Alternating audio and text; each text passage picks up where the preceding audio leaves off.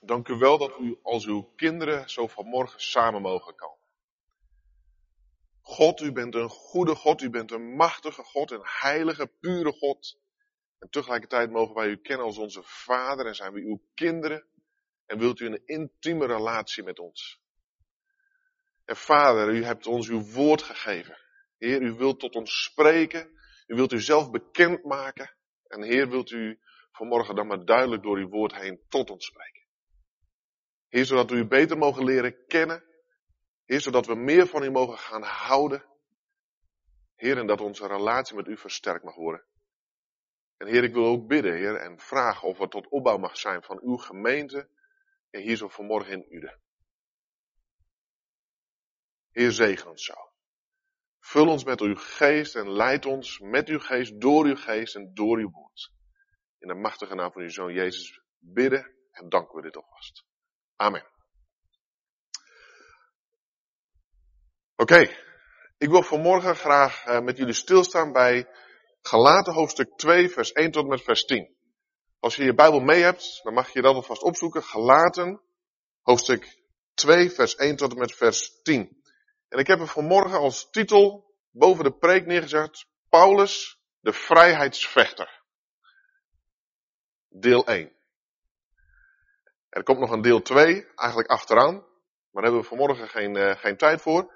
Dus vanmorgen, Paulus, de vrijheidsvechter, deel 1. En Paulus, die gaat hier vechten, en dat lezen we, en dat schrijft hij zelf, dat hij vecht en gevochten heeft voor de vrijheid die het evangelie geeft.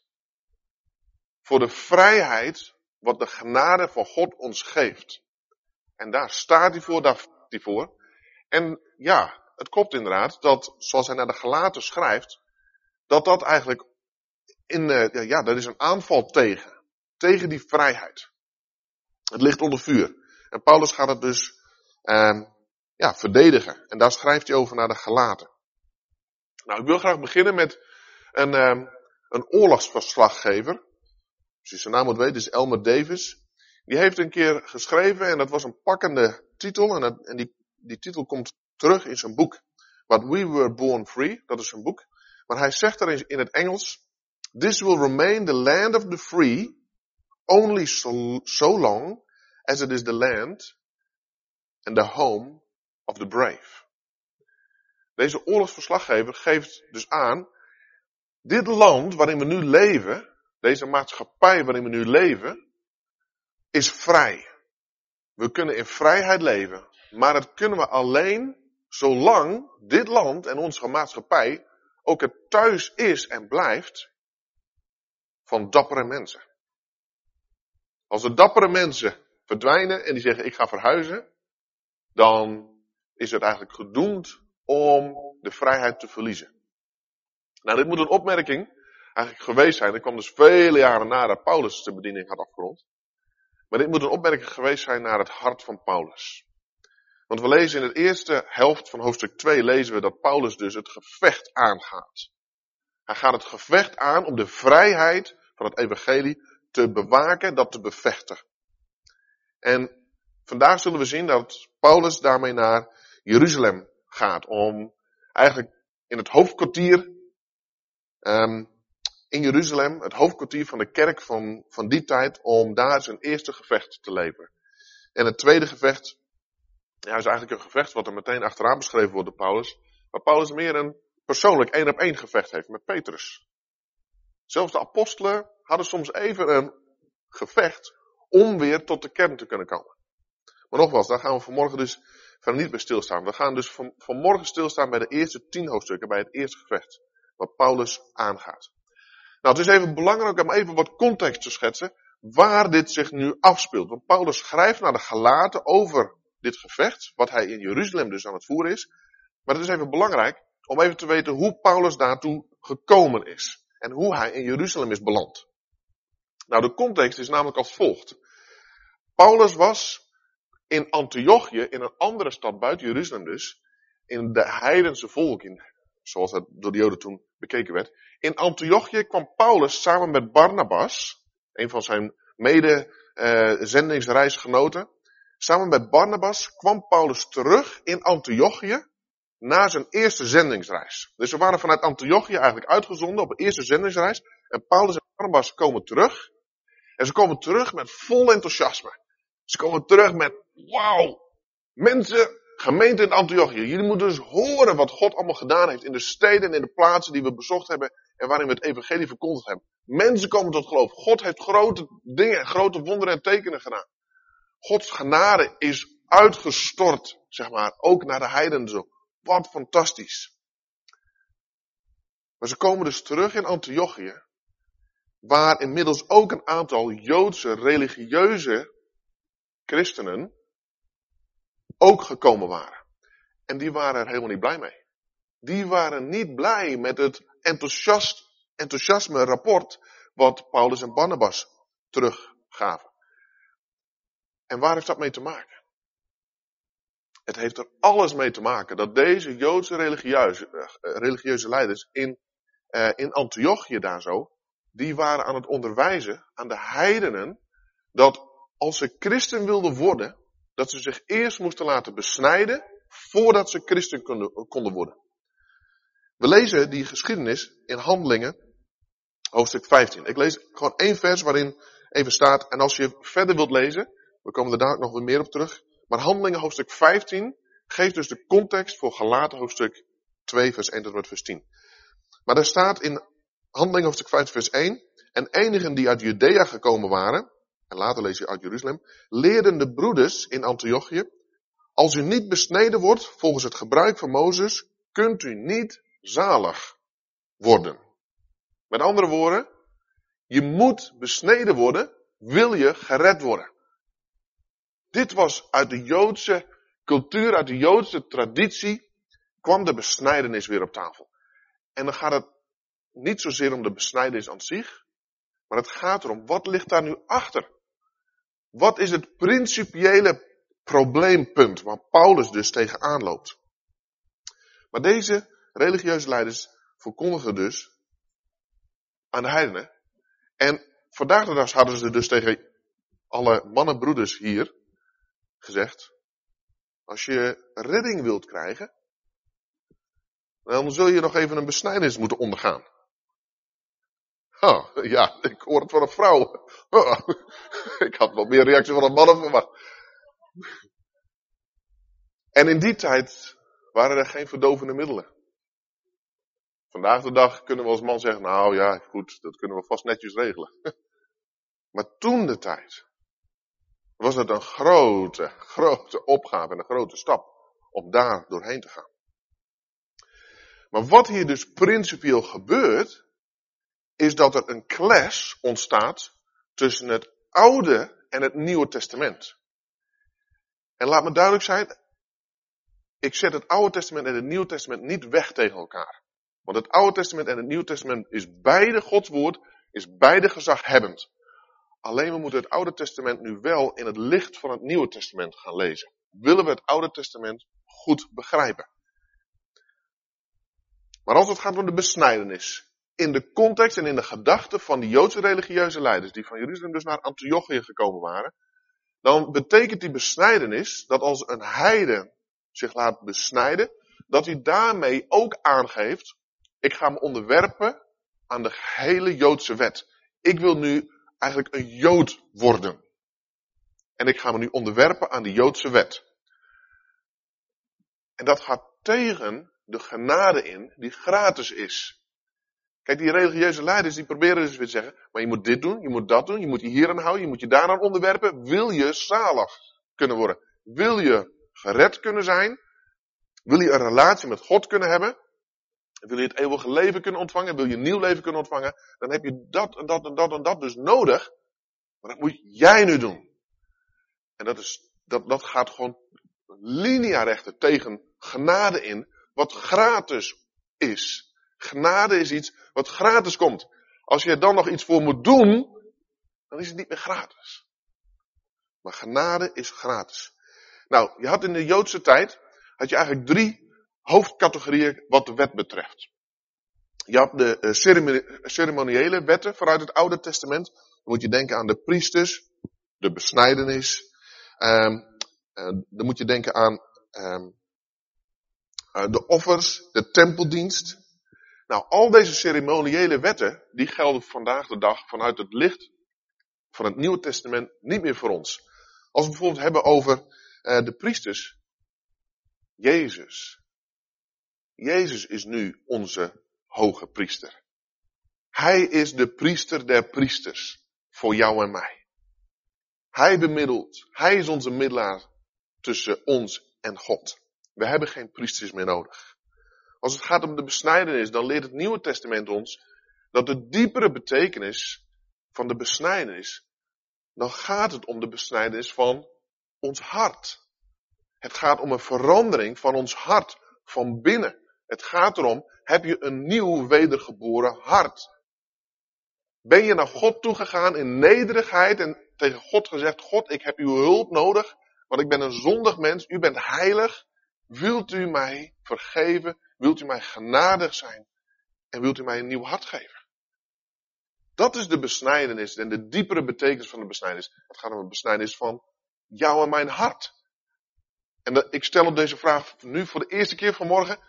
Heb jij een nieuw hart? Is jouw hart al besneden? Of nog niet? Als we het hebben over de offers in de tempeldienst. Jezus, Jezus is het offer eens en voor altijd en voor iedereen. Er zijn geen offers meer nodig. Als we het hebben over de tempeldienst. Alle dingen die er in de tempel gebeuren en moesten gebeuren volgens het Oude Testament. In het licht van het Nieuwe Testament zijn jij en ik nu Gods tempel. Gods geest woont in jou en mij. En als je daarover nadenkt vanuit alle regeltjes en vanuit de heiligheid die er uit de tempeldienst ademt vanuit het Oude Testament. Wauw. Wat is het een voorrecht. Wat is het een eer dat God jou en mij als zijn tempel kiest.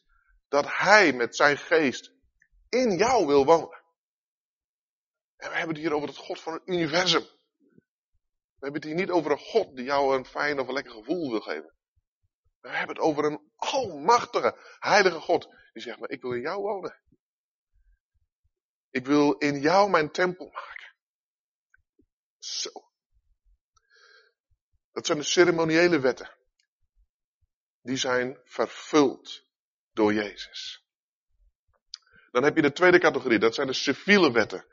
Waarbij de Bijbel leert, waarbij het gaat om zeg maar, een autocratische regering van een land. En een autocratische regering van een land houdt eigenlijk in dat God het land regeert. En dat hij dat doet door priesters en uiteindelijk door koningen, omdat het volk dat zo graag en zo nodig wilde. Zijn wij daar nog aan gebonden, aan zo'n regering, aan zo'n systeem van bestuur van het land? Ook opnieuw in het licht van het Nieuwe Testament Paulus heel duidelijk, onderwerp je aan de overheid. En in die tijd was het geen fijne overheid om zich te, aan te onderwerpen. Een Romeinse overheid, een Romeinse overheersing. Met andere woorden, ook daar zijn we niet aan gebonden. Maar dan hebben we nog een derde categorie. En daarbij gaat het om de morele wet. De tien geboden. Daarbij heb je het over diefstal, moord, verkrachting, eh, eigenlijk criminaliteit, liegen, waarheid spreken. Hoe je omgaat met je vrouw, geen overspel. De morele wet. Ja, die geldt nog steeds, al heeft Jezus de prijs voor overtredingen daarvoor betaald. Maar dat is nog steeds een wet waar we ons als christenen, als richtlijn naar mogen leven. Niet om daarmee een relatie en vergeving te verdienen, maar om de vergeving en de relatie te eren. Dat is het punt. Dus we moorden niet, we plegen geen overspel, we liegen niet om God en het offer van Jezus daarin te eren. En deze Joodse religieuze leiders die naar Antiochië komen, die hebben dus de diepere betekenis van Gods wetten, zoals bijvoorbeeld de, de besnijdenis, eigenlijk nog helemaal niet goed begrepen. Ze hebben nog niet begrepen dat het ware geloof, zoals het bij Abraham begon, waarbij de besnijdenis een symbool werd, dat het een zaak van het hart was. Van Abrahams geloof en vertrouwen in God. Het gaat dus om een besnijdenis van je hart. Nogmaals, zit jij hier met een nieuw hart? Zit jij hier met een vergeven hart? Zit jij hier met een hart waarbij alle schuld en druk en onzekerheid en, en vraagtekens en twijfel van je hart is afgehaald? Omdat je een nieuw hart hebt gekregen? Hoe zit jij hier?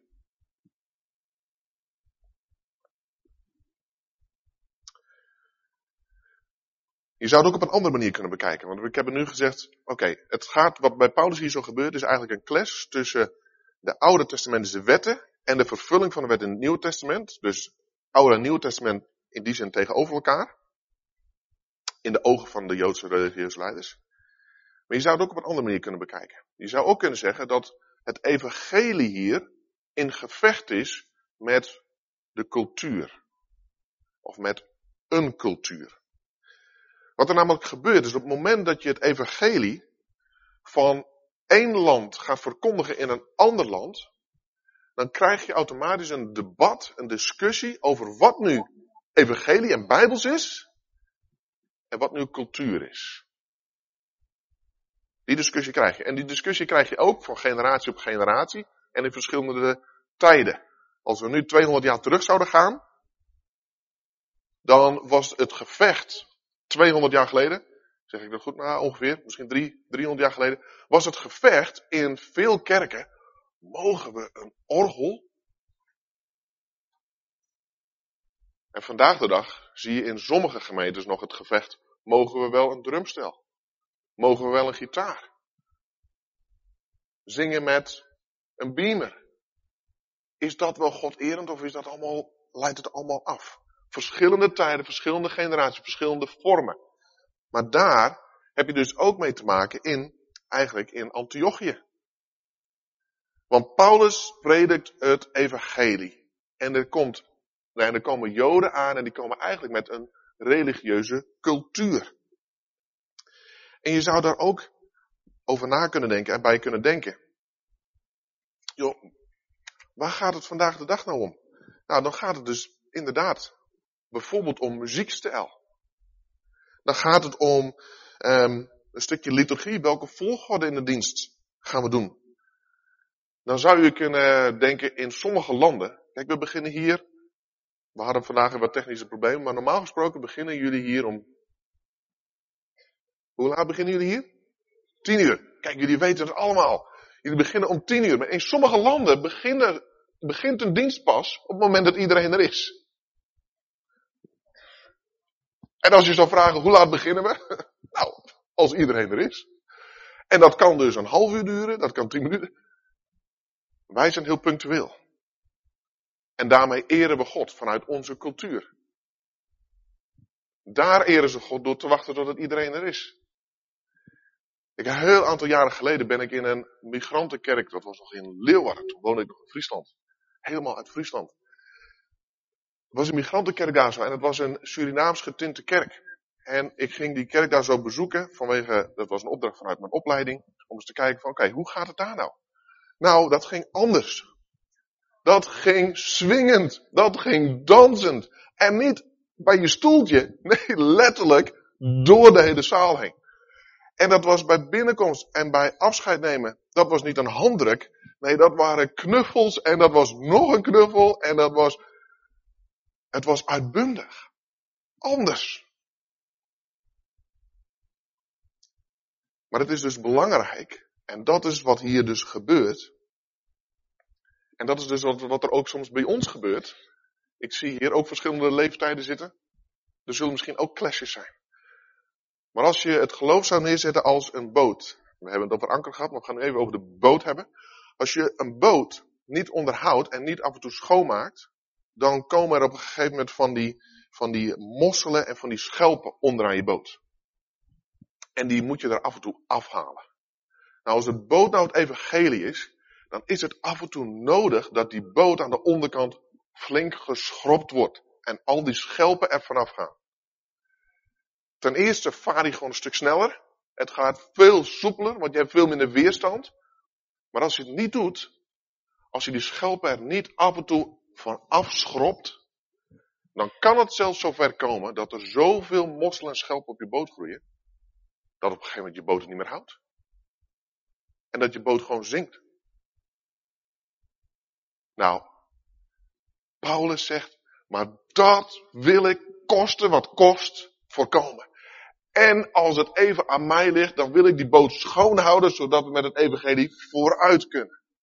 Dat we door blijven varen. Want er zijn veel mensen die moeten het evangelie nog horen. Maar ook als we doorgaan, kunnen we als gemeente in ons geloof groeien. Maar als je, als het langzaam gaat en het gaat horrend en stotend, niemand is daarbij gebaat. Nou, dat is waar Paulus dus eigenlijk voor vecht. Nou, dan heb ik een hele lange inleiding gehad. Laten we nou teruggaan naar Paulus in Galaten. Galaten hoofdstuk 2. Want daar lezen we dan. Oké, nog één ding. In, in handelingen en in Antiochië, Paulus kwam dus terug met Barnabas en er ontstond dus een hevige woordenstrijd. En ze waren dus echt een groot meningsverschil. Uiteindelijk hebben ze daar dus in Antiochië besloten, oké, we komen er niet uit. We leggen het voor in Jeruzalem. We leggen het voor aan ons moederschip. We brengen het naar het hoofdkwartier. Daar leggen we ons meningsverschil voor. Dus dat hadden ze besloten. En daar stappen we nu in. Galaten hoofdstuk 2, vers 1. Daarna ging ik, dat schrijft Paulus dus, na verloop van 14 jaar weer naar Jeruzalem samen met Barnabas. En ik nam ook Titus mee. Barnabas is een uh, Joodse christen. Titus is een Griekse christen. Dus hij neemt Barnabas mee. En ook Titus. En ik ging op grond van een openbaring en legde hun het evangelie voor dat ik verkondig onder de heidenen en afzonderlijk aan hen die in aanzien waren, opdat het niet misschien te vergeefs zou lopen of gelopen zou hebben. Maar zelfs Titus, die bij mij was, werd niet gedwongen zich te laten besnijden, hoewel hij een Griek was. Tot zover even. We gaan dadelijk nog, nog verder lezen. Dus Paulus gaat hier samen met Barnabas. En Barnabas was eigenlijk degene die hem bij de leiders in Jeruzalem geïntroduceerd heeft. Dus Barnabas heeft eigenlijk Paulus op een gegeven moment meegenomen. Kijk, jongens, heb hier Paulus. Uh, ik wil hem graag aan jullie voorstellen, want ik denk dat God een grote bediening met hem voor heeft. Nou, dat was dus een heel aantal jaren terug. Ze leggen het verschil dus voor. Um, en dan lezen we dus dat Paulus daar zo aankomt. En dat Paulus dus zegt, oké, maar ik ging op grond van een openbaring. Dus Paulus heeft dus ergens daarvoor een openbaring van God gehad. En op basis daarvan gaat Paulus de strijd aan in Jeruzalem. Nou, een aantal dingen zijn even belangrijk om hierover te zeggen. Want een openbaring, dat is dus iets waarbij God iets duidelijk maakt, waarbij God iets zegt. Wat we dus niet letterlijk in de schrift zo even vinden. Maar het is iets waarbij God op een andere manier communiceert. Via een visioen, via een beeld, een openbaring. Belangrijk is om te noemen, en Paulus is daar ook een andere punt overduidelijk over. Gods woord heeft het hoogste gezag. Gods woord staat gewoon bovenaan. De Bijbel is ook Gods primaire middel waarin hij tot ons spreekt. Dus wil je van God horen? Open je Bijbel. Als God nog iets anders wil zeggen, dan komt het echt wel. hij heeft dat onder controle. Als hij echt nog iets anders wil zeggen, dan komt het wel. Zit er maar niet over in. Maar ben jij, en ga jij de keuze maken om van God te horen, open je Bijbel. Dat is Gods weg, in eerste instantie. Maar soms dus bovennatuurlijke openbaringen. En wat is die openbaring? En daar vecht Paulus dus voor, is dat het evangelie ook voor de heidenen is. Zonder alle Joodse schelpen onderaan de boot. Zonder alle Joodse religieuze culturele ballast. De openbaring is, het evangelie van genade is ook voor de heidenen. En een ander punt, wat belangrijk is eigenlijk om te noemen, is Paulus die gaat hier dus op basis van een openbaring. Maar Paulus is heel duidelijk over de autoriteit van Gods woord. En wat Paulus hier dus doet, hij onderwerpt zich onder het gezag en leiderschap van de kerk. Dus Paulus gaat in die zin niet als er een discussie ontstaat, maar door met zijn openbaring. Nee, hij legt het voor in alle nederigheid. Dus hij laat het toetsen. En dan lezen we in vers uh, uh, 3 of vers 2, nee vers 2 lezen we al. dat Paulus komt daar dus aan en dan ontmoet hij eerst een aantal gezaghebbende leiders, zeg maar onderling, één op één. Om te vertellen over zijn openbaring en wat hij in Jeruzalem komt doen. En dat doet hij. En strategie is niet tegen God. Soms gebruikt God strategie. Want wat Paulus hier doet, is hij, hij spreekt eerst afzonderlijk met een aantal gezaghebbende leiders. En hij geeft ook de reden aan, opdat, omdat ik niet voor niets gekomen zou hebben, zegt hij. Dus hij, hij wil graag, op het moment dat zeg maar, de officiële zitting plaatsvindt in Jeruzalem, wil hij dat er voldoende leiders eigenlijk al met hem zijn, zodat ze in eenheid iets op tafel kunnen leggen. En dan merk je dus al, op het moment dat Paulus dat doet, dat door die gezaghebbende leiders, Titus, eh, nee, ja, Titus, dat Titus dus al niet eens, terwijl het heel gebruikelijk was, niet eens meer gedwongen wordt om zich te laten besnijden voordat hij mee kan naar de, eh, naar de zitting. Dus het eerste resultaat was eigenlijk al, al binnen. Nou, dan gaan we, dan gaan we mee. Titus is trouwens, dat, dat kun je lezen verder in handelingen. Titus is eigenlijk door Paulus meegebracht als, eh, ja, je zou het heel plastisch kunnen zeggen, als een bewijsstuk A. Paulus gaat naar een zitting, hij legt iets voor. Besnijdenis is niet nodig om de genade van God te ontvangen en om wedergeboren te worden. Zie hier, Titus, bewijsstuk A. Ondervragen, eh, eh, check of, of die werkelijk christen is en of die getuigt van de Heer Jezus. Nou, dat, dat is eigenlijk wat er, wat er gebeurt. Nou, maar nu, nu lezen we even de volgende twee versen en dan zie je eigenlijk even, oké, maar er is wel spanning en, en er gebeurt wat. Want Titus werd dus niet gedwongen om zich te laten besnijden, ter wille van de binnengedrongen valse broeders. Dus hij zegt, hij hoefde zich niet te laten besnijden om de valse broeders die binnengedrongen waren, en, en die waren binnengeslopen om onze vrijheid, die wij in Christus Jezus hebben, te bespioneren om ons tot slaven te maken. En dan zegt Paulus, en dat is dan de strijdende Paulus, maar voor hen zijn we ook geen moment in onderdanigheid opzij gegaan, opdat de waarheid van het evangelie bij u zou blijven. En je zou nu kunnen zeggen, omdat de waarheid van het evangelie nu nog bij jullie zou zijn. Want had Paulus dit niet gedaan, was Paulus dit gevecht niet aangegaan toen, dan hadden we nu hier niet als christenen gezeten, hoogstens als een Joodse secte, waarbij genade en wet wat gemixt zou zijn. Maar Paulus, die zegt, omdat de waarheid van het evangelie bij u zou blijven. Maar hier wordt wel even iets genoemd. Want Paulus die zegt hier dus heel duidelijk, er zijn dus valse broeders. Zoals bijvoorbeeld Judas. Judas was een valse broeder. Hij trok drie jaar op met de Heer Jezus. Drie jaar lang diende die de Heer Jezus. Daar leek het op. We lezen dat Petrus eigenlijk al gedurende de hele drie jaar eigenlijk deed alsof. Judas was een valse broeder. Die gedurende de drie jaar constant eigenlijk geld in zijn eigen zakken aan het stoppen was. Valse broeders die binnengeslopen zijn om wat?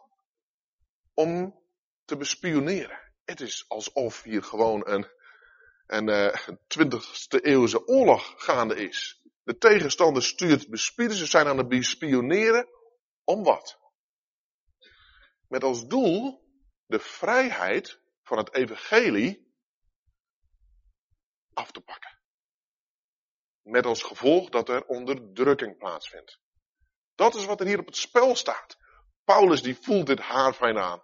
Die zegt, wauw. Satan, zou ik kunnen zeggen, Satan die stuurt zijn, ik hoorde iemand zo grappig zeggen, die stuurt zijn minions. En die blijven maar komen. Om, om ons van die vrijheid te beroven. Om toch maar weer te zeggen, maar je moet nog dit, je moet nog dat. Heb je je Bijbel gelezen? Heb je genoeg gebeden? Ben je wel genoeg naar de kerk geweest? Heb je um, de Bijbelstudies gevolgd? Um, heb, ben je wel netjes geweest deze week? En natuurlijk, dat zijn goede dingen. Tot eer van Hem. Maar als die goede dingen gebeuren uit iets wat je opgelegd wordt, waardoor je angstig bent, dan leef je in geestelijke slavernij. En dat is wat Paulus hier aangeeft. Om ons weer terug te brengen in slavernij. En dat is wat Paulus absoluut niet wil. Maar de tegenstander die probeert constant met zijn minions het goddelijke gezag wat God gegeven heeft. Van genade en vrijheid. Om dat telkens maar weer omver te werpen. Nou, dus dit is wat er gaande is. En er is echt een, er staat iets op het spel. Ik, ik zou bijna zeggen, alles staat hier op het spel bij Paulus. En het heeft op het spel gestaan, ook voor jou en mij. Nou, als je nu terug zou gaan naar handelingen hoofdstuk 15. Daar lees je hoe die zitting gaat. dus Paulus die komt hier binnen met Barnabas, Titus. Hij, hier beschrijft hij, ja, er zijn valse broeders, die zijn aan het bespioneren en die willen de vrijheid afnemen door weer een slavenjuk op te leggen. En dan zie je de zitting in hoofd, hoofdstuk 15 uh, zich eigenlijk omschrijven. Petrus is de eerste die het woord neemt en een pleidooi maakt. En Petrus is met Paulus. En die zegt, mannenbroeders, er is maar één weg en dat is de Heer Jezus Christus. Die besnijdenis, daar moeten we inderdaad, daar moeten we echt loslaten. Daarna komen Paulus en Barnabas. En die getuigen van wat God gedaan heeft bij de heidenen. Om te laten zien, ja, de genade is ook werkzaam daar. En de genade is ook werkzaam in en door ons heen. En dan komt Jacobus, de broer van Jezus, die een leider is in de kerk in Jeruzalem en die doet het slotpleidooi. En uiteindelijk komen ze tot de conclusie dat de heidenen, die hoeven geen Jood te zijn om christen te kunnen worden.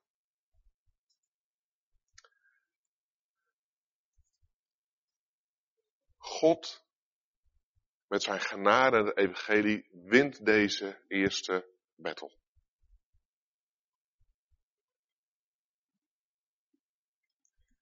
En dan lezen we nog even verder in Galaten hoofdstuk 2, vers 6 tot met vers 10. Maar wat betreft hen die geacht werden iets te zijn, wat zij voorheen waren, maakt voor mij geen verschil, zegt Paulus.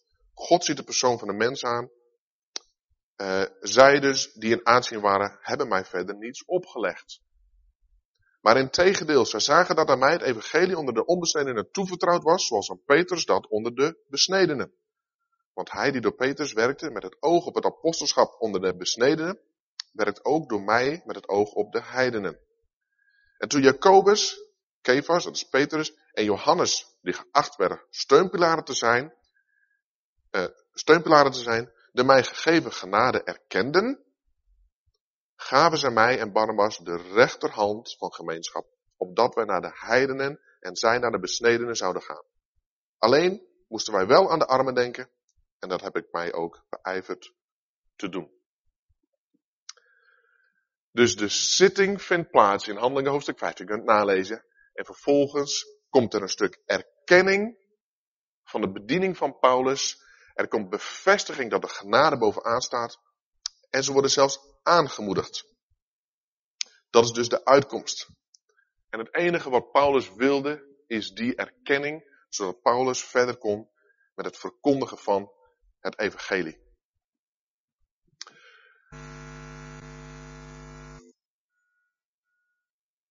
Wat dus belangrijk is, is dat we ons eigenlijk blijven herinneren Net als Paulus.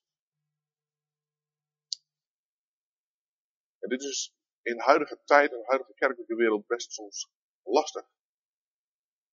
Maar net als Paulus moeten we ons toch blijven herinneren dat de waarheid van het evangelie belangrijker is dan het bewaren van de vrede in de kerk.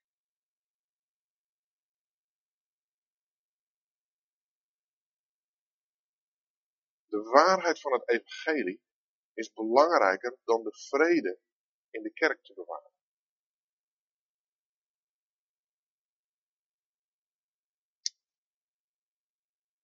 Kijk, de waarheid van God die van boven aan ons gegeven is en de genade die ons daarin gegeven is, die is zo puur, zo goed, zo zoet.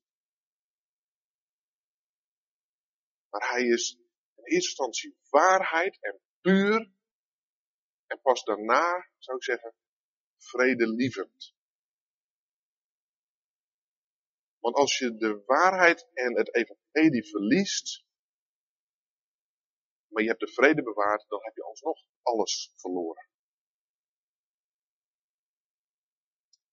En dat is eigenlijk wat Paulus ook daarin zegt.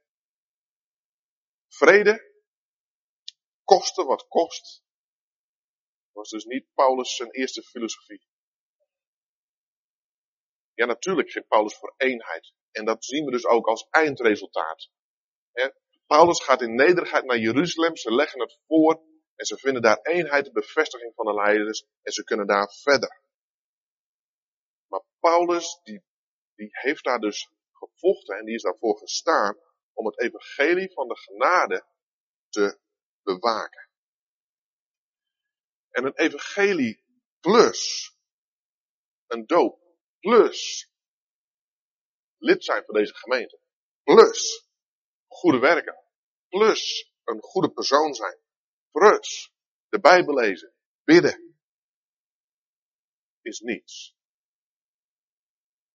Als het evangelie die toevoegingen nodig heeft om een evangelie te zijn, dan is het niets. Dan doe je het werkelijk waar voor niets. Maar als je het doet omdat je de genade ontvangen hebt, omdat je het doet vanuit de verlossing die je ontvangen hebt, omdat je het doet vanuit de relatie die je met God hebt, dan, dan is het zo krachtig. Dan is het iets waarvan je zegt, wauw, er is niets moois in deze wereld. Dan God te dienen, zijn woord te lezen, te bidden. Want dan moet je niet, maar dan mag je bidden. Dan mag je naar God. Dus als het gaat om wetten, regels, ditjes en datjes eraan toevoegen, je verliest daarmee alles. Of, en nu, nu uh, klap ik hem nog even om naar een andere kant. Want je hebt ook een, een evangelie plus iets anders. En ik, ik merk gewoon dat het evangelie van de genade, want daar, daar hebben we vanmorgen, daar staat Paulus voor, dat, dat er op heel veel plekken en ook heel veel predikers verkondigd wordt dat God je het evangelie wil geven van genade en dat hij je dit en dit en dit en dit en dit wil geven. En noem het maar op. Van materieel tot fysiek tot relationeel. God wil je alles geven. Hij wil je in alles zegenen. En God is een goede God. Begrijp me niet verkeerd. Hij is een genadige God. Maar wat deze predikers erbij zeggen. En dat zeggen ze er vaak niet meteen bij. Maar lees vooral, en ik zou je inderdaad, lees vooral hun boeken bijvoorbeeld. Van deze predikers. Want wat daar achteraan komt is, God wil je al die dingen geven. Hier heb je een boek met zeven stappen. En dat, en daarvoor zou Paulus dan zeggen, uh, fout. Want daarmee verlies je de genade weer. Want dan zeg je eigenlijk, God wil je voor alles geven, God wil je zegenen voor alles, maar je moet wel even deze zeven stappen doorlopen om je geloof voldoende op te krikken, om zo goed mogelijk in de boeken bij God te staan, zodat die zegen komt. Zodat God die zegen kan geven, zodat God daardoor ervaart dat hij de toestemming heeft om jou daarmee te zegenen. En dat gaat tegen de genade in. Want dat is genade plus zeven stappen. Dat is genade plus dit, dit, dit. En het is desastreus. Op het moment dat er een zegening komt, dan zijn we in de hemel. Maar op het moment dat de zegen niet komt, oh, wat is het dan afbrekend? Want oh, dan komt de twijfel. Heb ik wel voldoende geloof? Oh, dan komt de twijfel. Oh, zit er dan, is er dan toch nog een onvergeven zonde in mijn leven? Oh, ben ik dan toch niet goed genoeg? Oh, kijk hem of haar eens. Het lukt hem of haar wel. Wat ben ik dan waard? God is een goede God. En hij wil je zegenen en hij wil je geven wat je nodig hebt.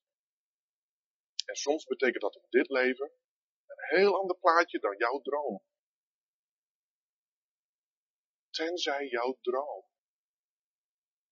Jezus is. Tenzij jouw droom je hemelse schat is. Natuurlijk, God wil voor je zorgen. Ik zeg absoluut niet dat God een gemene God is. Maar ook dat is genade plus iets anders. En het is desastreus. Het maakt het gewoon, het maakt de genade van God kapot. Het maakt het evangelie van God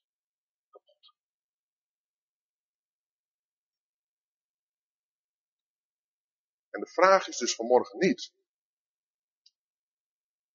hoe sta jij er religieus voor? Ben je fit, religieus gezien? Geestelijk, spiritueel gezien? De vraag is ook niet, heb je je aan allerlei regeltjes gehouden? Heb je je bijbelstudie wel gedaan? Genoeg gebeden? De vraag van morgen is, heb jij een besneden hart? Heb jij een nieuw hart? Puur vanuit. Gratis. Voor niets. Dat is de vraag.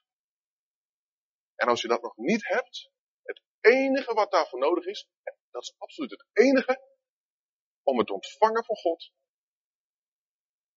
en dat is nederigheid. Dat is tegen God durven zeggen, God, u bent zo heilig en puur, ik heb uw hulp nodig. Want alleen met mijn eigen kracht red ik het niet om bij u te kunnen komen. Als je een besneden hart hebt, prijs dank God als het nog niet zo is, en als het nog niet zo is, dan durf ik te zeggen dat je dat nu weet. Omdat de Heilige Geest dat duidelijk kan maken. Als het nog niet zo is, dan weet je dat nu. En dan wil ik je vandaag vragen en uitnodigen. En uitdagen. Durf, en dat is soms de moeilijkste stap. Durf te zeggen, God, ik heb uw hulp nodig. En dat is, ik zou maar zeggen, ik vind dat stoerder dan te zeggen, maar ik kan die zeven stappen. Echt waar. Laten we samen bidden. Hemelse Vader, u bent zo goed, u bent zo genadig en u wilt het ons geven voor niets, zodat we met u in dit leven met een nieuw hart mogen wandelen, van u mogen genieten, van u mogen leren en dat we in ons leven met een verlangen, niet omdat het moet, maar met een diep verlangen u willen eren, door op een manier te leven zoals u dat graag zou willen, met al het vallen en opstaan. En Heer, dat mogen we dan in vrijheid doen. In complete vrijheid in Christus. Omdat u genadig bent en u straft niet af als we een misstap begaan. Nee, u bent goed, u bent genadig. O Vader, wat hebt u een offer gebracht door uw zoon de Heer Jezus te sturen en te zenden. Om deze genade te bewerken, om de prijs te betalen om het laatste offer neer te leggen.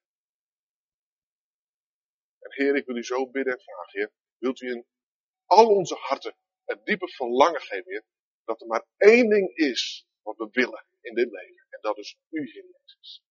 Dat er maar één schat in dit leven is. En dat dat u is, Heer Jezus. En dat we daarop mogen bouwen. Want dat, dat is het anker in ons leven.